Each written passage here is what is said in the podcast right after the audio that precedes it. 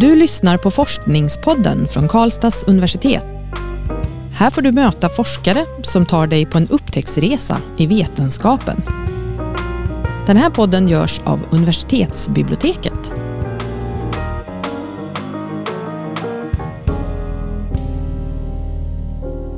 Hej och välkomna till Forskningspodden. Mitt namn är Karin. Jag heter Magnus. Idag gästas podden av Åsa Melin. Varmt välkommen hit Åsa. Tack så mycket. Du är gäst här idag med anledning av din doktorsavhandling Olika vägar till enhetlig skola. En studie av grundskolans etablering på kommunal nivå 1950 till 1968. Berätta mer, vad handlar den här avhandlingen om? Den här avhandlingen handlar om en av de största skolreformerna vi har haft i Sverige. Eh, hur olika skolformer gjordes till en skolform, det som idag heter grundskolan. Och hur det här genomfördes på lokal nivå. I Arvika som hade tradition av läroverk och högre utbildning och i Storfors som var en, en ort med brukstradition och folkskola. Och hur de här olika kommunerna då hanterade genomförandet som det ålåg kommunen att göra, att skapa en enhetlig skola som sen fick namnet grundskola. Hur kommer det sig att du valde att forska om det här? många olika anledningar men en, en första liksom tanke och idé hos mig har varit, för jag är tidigare lärare själv, det har varit att kommuner har väldigt olika förutsättningar för att göra skola eller hantera olika skolreformer beroende på hur kommunen ser ut och hur stor den är och så här. Och då blev jag intresserad av att ja, men vad händer egentligen på lokal nivå när stora nationella reformer beslutas. Och vi vet ganska mycket om skolans, grundskolans genomförande från nationellt håll. Det finns en hel del utredningar gjorda och man tittar på det här enhetsskoleförsöket som föregick då genomförandet av grundskolan. Det beslutades 1950 av riksdagen. Och sen så ja, byggde man på det försöket till ett beslut sen. Men eh, inte så mycket om vad som faktiskt hände på lokal nivå i de här olika då, delarna som skulle genomföras.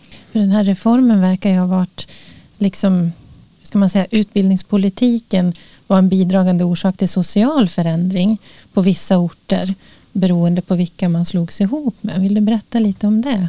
Min första tanke var ju att eh, den mindre orten skulle ha svårare för att genomföra den här mm. stora skolreformen och kanske ha ja, större problem eller vad man ska säga. Men det visade sig ju att den mindre orten var den som mer vad ska man säga, rakt på genomförde, tog olika beslut och jobbade tillsammans med omgivande angränsande kommuner och tillsammans då med företaget på orten som då var Uddeholm AB. Mm.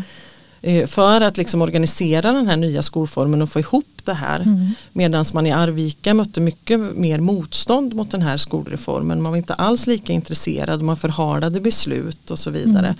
Så det var väl ett resultat som jag inte riktigt hade förväntat mig heller. Mm. Ja, precis. Jag var lite nyfiken på vad, vad är det för material du har använt för att kunna undersöka det här?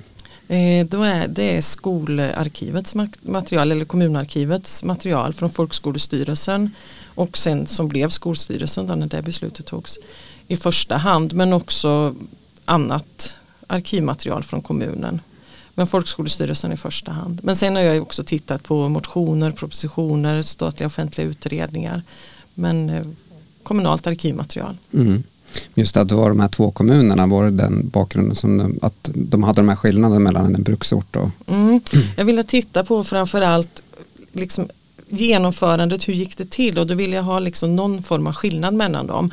Och då finns det ju tidigare forskning som visar att att det fanns ett visst motstånd då från läroverkslärare och läroverksanhängare till den här nya skolformen och därför var det då intressant att se hur ser det ut i en kommun där man hade läroverk eh, och en där man inte hade det. Du var ju lite inne redan på eh, lite av resultaten. Vill du berätta mer om vad det är du har sett i undersökningen? Eh, ja, eh, en av de sakerna, jag tycker jag har flera spännande mm. resultat, men ett av dem är att eh, kommunerna samarbetade väldigt mycket. Särskilt då kan jag ju se det i, kommunen Storfors eh, där man skapade som egna nästan regioner i samarbete runt skolan och skolfrågor och skolpolitiska frågor framförallt. Eh, och att eh, man tog råd av andra kommuner, man kontaktade andra kommuner, gjorde studiebesök hos andra för att se hur har de gjort och vilka lösningar har de kommit fram till. Och, och det här samarbetet gjordes ju på egna initiativ att försöka klara av då att hantera skolan. Samtidigt som den här skolreformen sker så sker ju de två stora kommunsammanslagningarna också ungefär mm. samtidigt. Vilket då skulle jag säga är på grund av att man måste kunna hantera skolan. Och trots att man då från statligt håll genomför de här kommunsammanslagningarna så har ju kommunerna själva skapat samarbetsytor redan. I Arvika ser jag inte riktigt samma sak men då har jag också tittat på den stora kommunen. Men kranskommunerna framgår av arkivmaterialet i Arvika också att omgivande kommuner har ju också samarbetat mm. gentemot då, inte emot Arvika men i relation till att skaffa sig en egen högstadieskola i de mindre omgivande kommunerna till exempel. Vilket då gjorde att Arvika riskerade att förlora elever som de tidigare hade haft i mm. realskolan. Vilket i sin tur påverkade deras planering och organisation för den nya skolan. Så det var ju många saker som påverkades av angränsande kommuner. Det var liksom inte bara en egen kommun som mm. blev intresserad. Ehm, du är lite inne på det här med kommunsammanslagningen men jag funderar just på statens, eh, hur mycket detaljstyrde eh, staten det här för kommunerna eller var det fritt? Nej, alltså, staten hade ju del i att vilka kommuner ska slå samman och hur ska det slå samman och man hade ju åsikter om det här från kommunerna också där man kanske protesterade mot sammanslagningar. Eh, Kroppa till exempel som skulle då slås samman eller som samarbetade med Storfors hade protesterade och ville hellre ingå i Filipstad mm. och fick ju igenom det önskemålet till slut.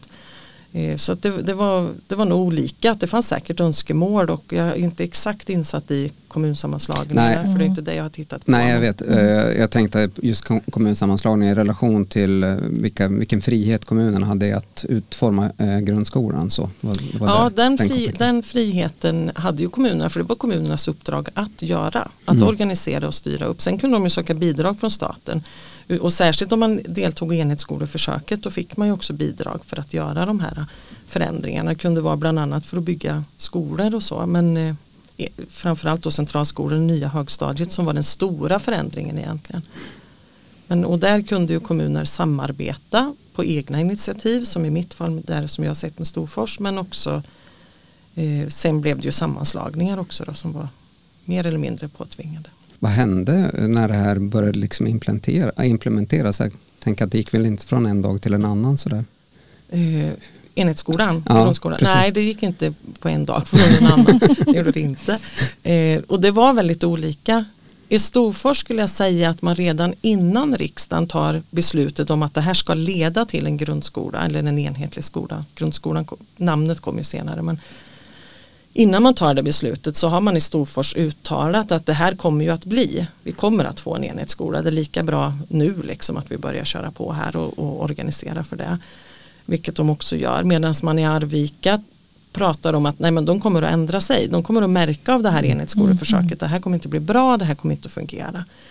Eh, så det var mer känslan att hur ska vi hålla det här ifrån oss så länge som möjligt. Och det är inte konstigt heller att Arvika tänkte så för de hade sin realskola med utbildade, högt utbildade lärare och så här och tyckte ju att vi har ju en utbildning. Varför ska man slå ihop det här till mm. att förändra folkskolan som egentligen då blev ja, resultatet på något sätt. Att det var ju folkskolan som skulle bli nioårig. Mm.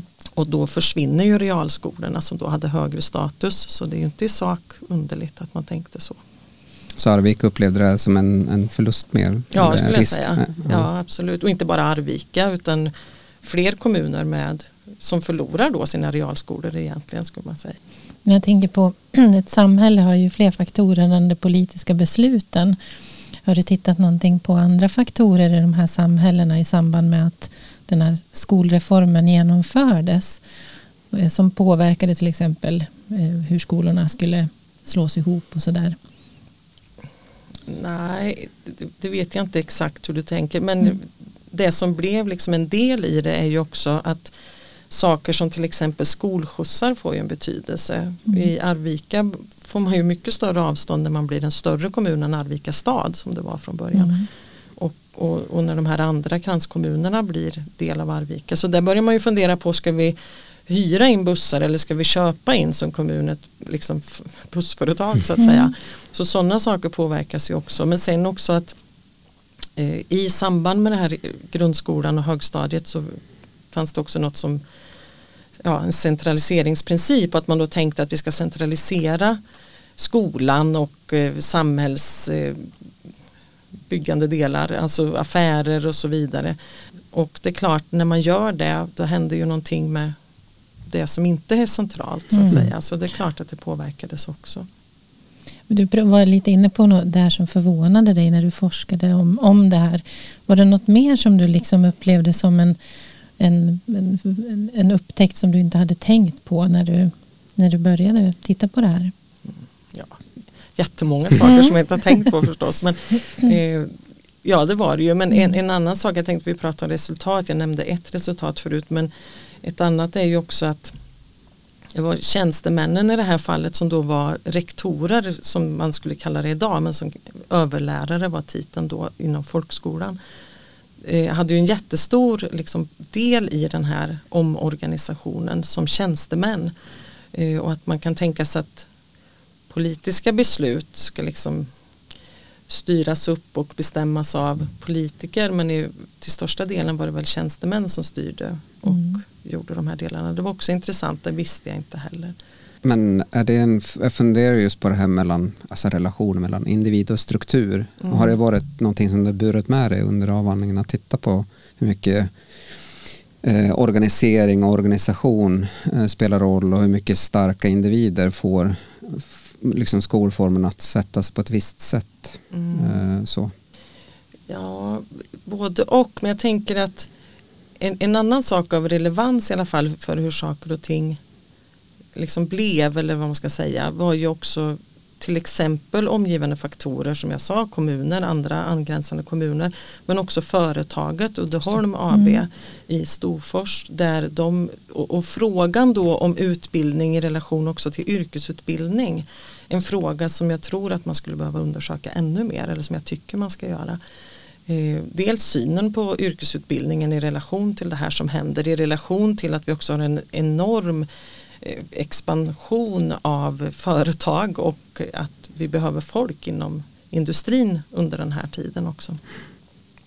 Så ja, jag skulle säga att eh, Uddeholm AB spelade en stor roll för mm. hur man diskuterade om skolan och om yrkesutbildning i relation till till exempel Arvika där man inte pratade om yrkesutbildning på det sättet mm. som jag ser att man gör i Storfors. Så på det sättet spelar ju vad ska man säga, platsen en stor roll mm. för vad som händer.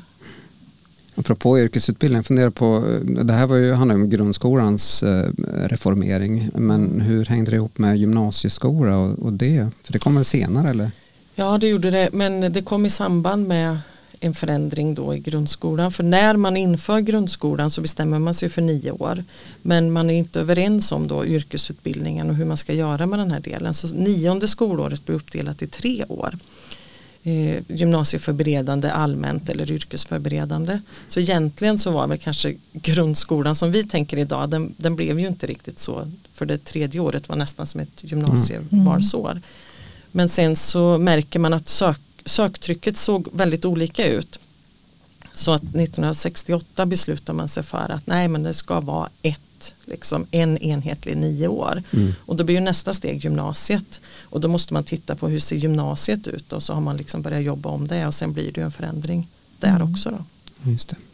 Du har ju lyft, ursäkta, du har lyft något, eh, något av dina resultat här men är det något annat resultat som du skulle vilja lyfta i den här studien? Det är ju precis det vi har pratat om, ja. tänker jag. Att lokala traditioner eller en del forskare kallar det lokala mekanismer till exempel mm. spelar roll för det här. Och, och, det är ju platsen. Platsen spelar roll för hur beslut genomförs eller vilka riktningar olika beslut kan ta. Dels kan det ju bero på förutsättningar. Hur är de lokala förhållandena? Hur ser det ut här? Men också förstås lokala intressen.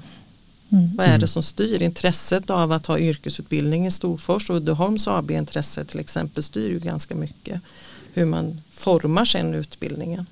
Vilka linjer man erbjuder på det här nionde mm. yrkesskolåret till exempel.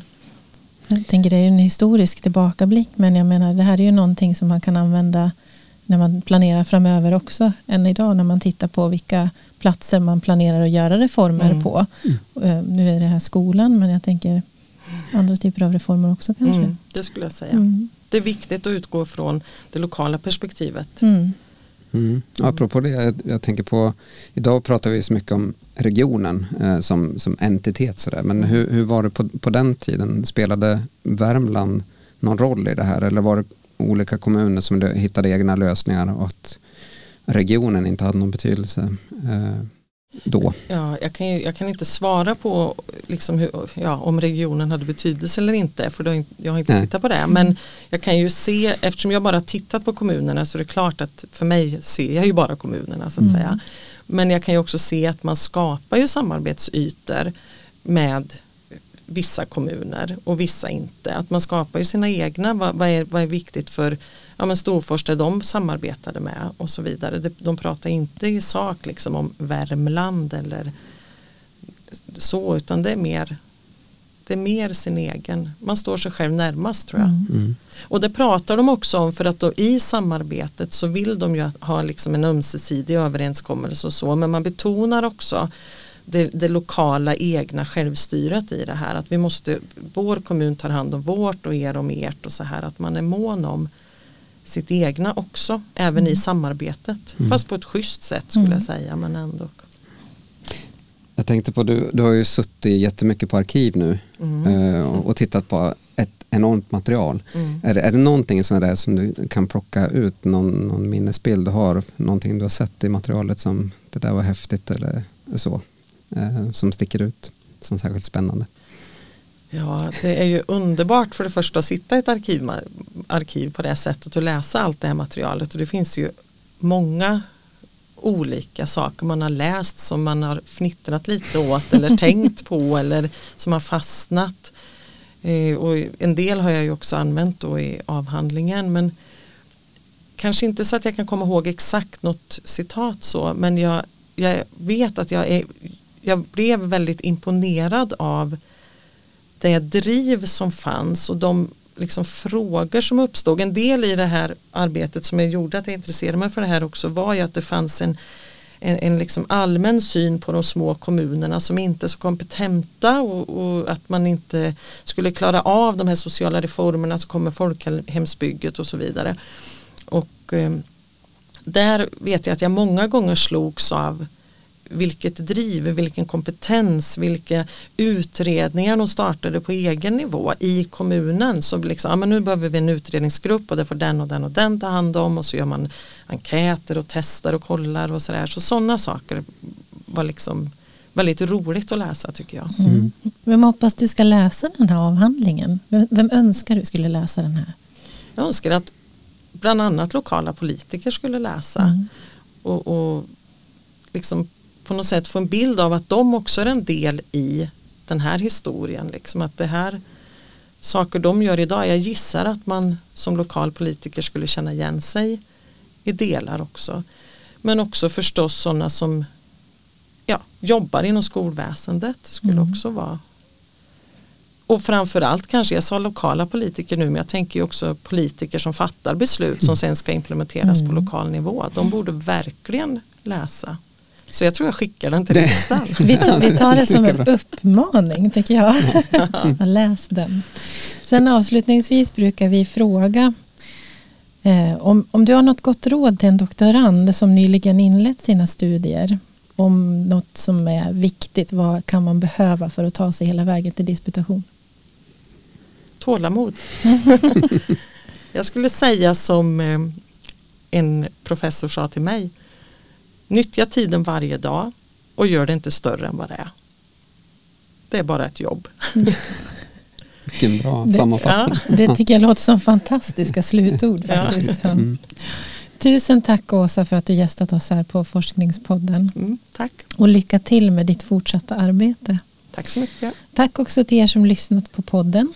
Om du är intresserad av att läsa Åsa Melins doktorsavhandling så finns den att ladda ner i vår publikationsdatabas DIVA. Vi hörs i nästa avsnitt. Du har lyssnat på Forskningspodden från Karlstads universitet. Den här podcasten görs av universitetsbiblioteket. Alla avsnitt hittar du där poddar finns eller på kau.se forskningspodden.